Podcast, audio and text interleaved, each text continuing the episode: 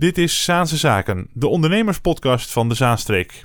Je gaat luisteren naar een fragment uit aflevering 14, opgenomen op 6 november tijdens de 30ste Zaanse Ondernemersdag in het Zaantheater. Luister ook de gehele aflevering of eerdere interviews via iTunes, Spotify of je favoriete podcast-app. Ja, zo komt er alweer bijna een einde aan onze podcast. Maar we moeten natuurlijk even stilstaan bij dat dit een uh, jubileumeditie was, de 30ste. En Peter Wieringa, voorzitter van de Zaanse Ondernemersdag. Je hebt nog een beetje glitter in je, in je ogen zitten beetje, van, van, het podium. Dat, uh, zou het vermoeidheid zijn? Dat, zou dat, dat, dat, goudfeest, uh, oh, ja. stukjes gouden glitter zitten. Hoe kijk je terug op de 30ste editie? Nou, ik, ik, spreek heel veel mensen nu en ik spreek heel veel mensen nu en die zijn allemaal heel erg complimenteus en enthousiast. En daar gaat het ons om dat de gasten die twee keer een uur in de zaal zitten, dat die een geweldige middag hebben. En dus vanuit dat perspectief, maar ook vanuit, vanuit ons eigen perspectief, kijk ik met heel veel genoegen terug op deze editie. Hebben jullie in de voorbereiding uh, er anders tegen aangekeken? Van nou, het is een, dus een 30ste editie, we gaan iets anders doen of we gaan een andere inslag nemen? Ja, wat we, wat we vonden is dat uh, je moet echt op een feestje komen. Uh, dat betekent dat we iets meer accent hebben gelegd op dat aspect. Uh, dat bijvoorbeeld ook hier het Zaantheater volgestouwd is met ballonnen. Dat we een goede DJ hebben. En dat we ook op het podium iets meer werk ervan gemaakt hebben om mensen het idee te geven dat ze echt naar een feestje komen. Dat zeker. En de, de gouden loper die was uitgelegd. Dus, ook dat, gouden zeker. Loper. Een uitreiking van een penning ook nog. Ja, dat was een verrassing voor ons. Althans een verrassing. Dat was een verrassing voor de laureaat. En dat is heel erg goed. Want uh, het aantal mensen dat het geheim moest bewaren werd steeds groter. Uh, Dick, is, uh, Dick Dekker is een van de grootste krachten denk ik, binnen het ondernemersleven van Zaanstad. En het is niet meer dan terecht omdat hij eh, de penning heeft gekregen. Maar het is echt een initiatief van de gemeente. Het komt niet bij ons vandaan. We gunnen het hem natuurlijk wel voor de goede orde. Het was de gemeente die ons benaderde om, uh, met de vraag of het binnen onze dag mogelijk zou zijn om de penning aan hem uit te reiken. En dat hebben we natuurlijk gefaciliteerd. Uh, oorspronkelijk zou Jan Hamming, de burgemeester, die uitreiken. Wanneer hoorden jullie dat Jan Hamming niet kon komen vanwege nou, waarschijnlijk de griep of iets met de gezondheid? Ik weet niet precies wat hij heeft, maar ik was hier vanmorgen om 20 voor 11 en dat was het eerste wat ik hoorde. Ja, en, en dan? Dan ga je schakelen? Nou ja, hij had een vrij grote rol in het programma.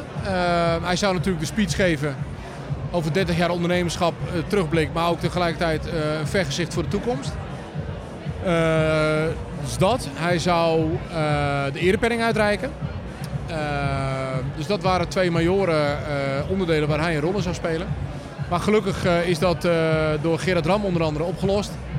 En omdat Gerard Ram hem moest vervangen, moest Gerard weer worden vervangen bij de uitreiking van de Stadsprijs. Want dat zou hij oorspronkelijk doen.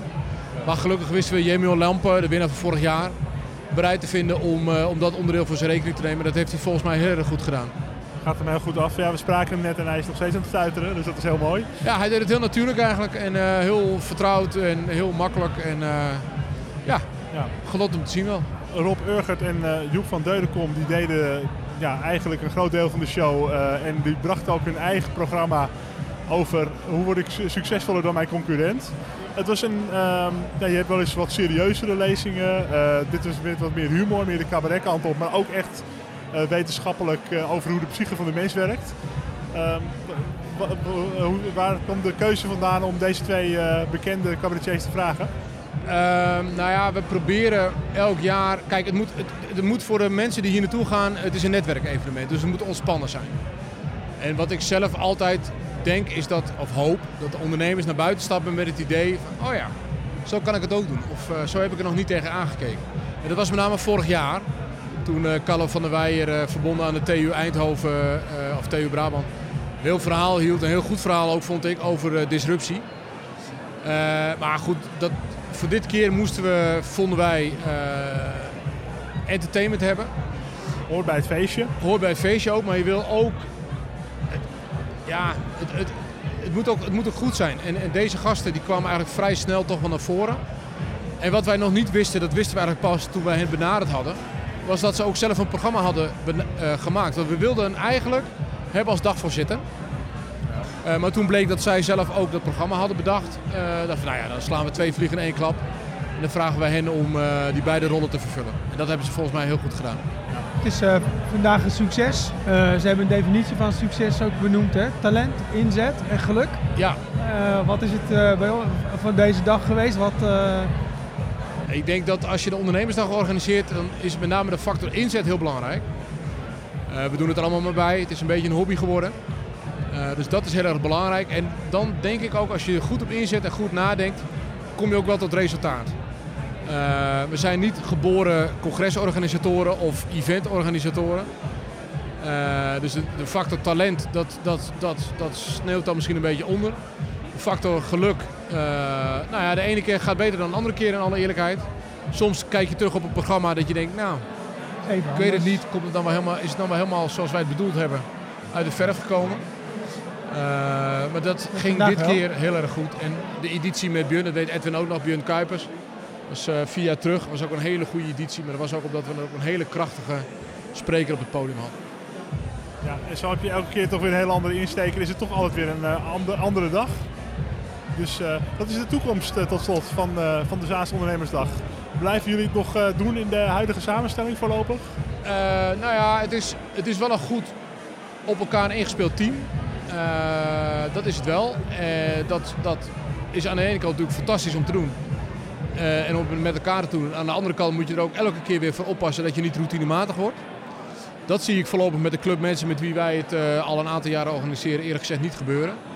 Maar je moet je wel de vraag stellen, eh, ben ik elke keer nog actueel, ben ik elke keer nog urgent? Eh, en hoe kunnen we ervoor zorgen? Er zijn hier vandaag denk ik 530 mensen ongeveer in het Zaantheater. Ik zou eigenlijk wel door willen naar de 600.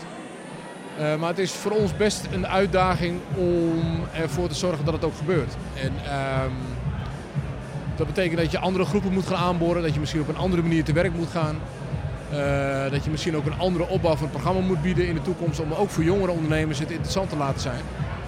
Maar wat wel voor ons denk ik heel erg vaststaat, eh toch wel, dat zijn de prijzen. De ondernemingsprijs en de stadsprijs. En ook de manier waarop de jeugdjuryprijs met de ondernemingsprijs omgaat. eh, of met de kandidaten omgaat. Dat, is, dat vinden wij nog steeds heel erg belangrijk en nog steeds heel erg goed. Op naar volgend jaar dus. Zeker weten, 31 keer. De 31ste ondernemingsprijs, 12e stadsprijs. Misschien wel weer in het Zaantheater, maar misschien ook wel op een andere locatie. Eh, we proberen toch ook elk jaar wel te onderzoeken of het ergens anders kan. Het is heel comfortabel, is een hele goede partner, een betrouwbare partner. Eh, en het is, als je zo'n programma wil brengen, wat je vandaag hebt gebracht, is goed geluid onontbeerlijk, zijn faciliteiten onontbeerlijk. En dat kan het Zaantheater ons continu bieden. Dat vinden we heel prettig. Maar soms, af en toe loop je misschien tegen een locatie aan dat je denkt, nou, zou ik toch ook wel leuk vinden. We zijn naar scholen geweest, we zijn in de koekfabriek geweest, Bruinzeelhal geweest, Vlinders geweest. En misschien dient er zich komend jaar wel weer een, eh, lokaal aan waarvan je denkt, nou, kunnen we Ja, doen. dat zijn wel locaties die niet echt op de akoestiek zijn gebouwd. En dat Zaantheater is daar wel perfect in natuurlijk. Ja, dat is, een, dat is wel een aspect wat eh, heel erg eh, meeweegt. Ehm, we hebben op locaties gezeten waar het geluid wegwaaide. Akoestiek heel slecht was, waardoor ook je programma niet goed overkomt. Ja, dat moet je gewoon niet willen. Eh, je, moet, je, moet, je moet gewoon ervoor zorgen dat mensen het goed kunnen volgen. En dat ook de boodschap die je wil brengen, het programma wat je wil brengen, dat dat goed overkomt. Peter Wieringa, dankjewel. Wij spreken elkaar weer in de aanloop naar eh, volgend jaar. Ik hoop het. En eh, rust even lekker uit vanavond verder. Ga ik doen. Ja. Dankjewel.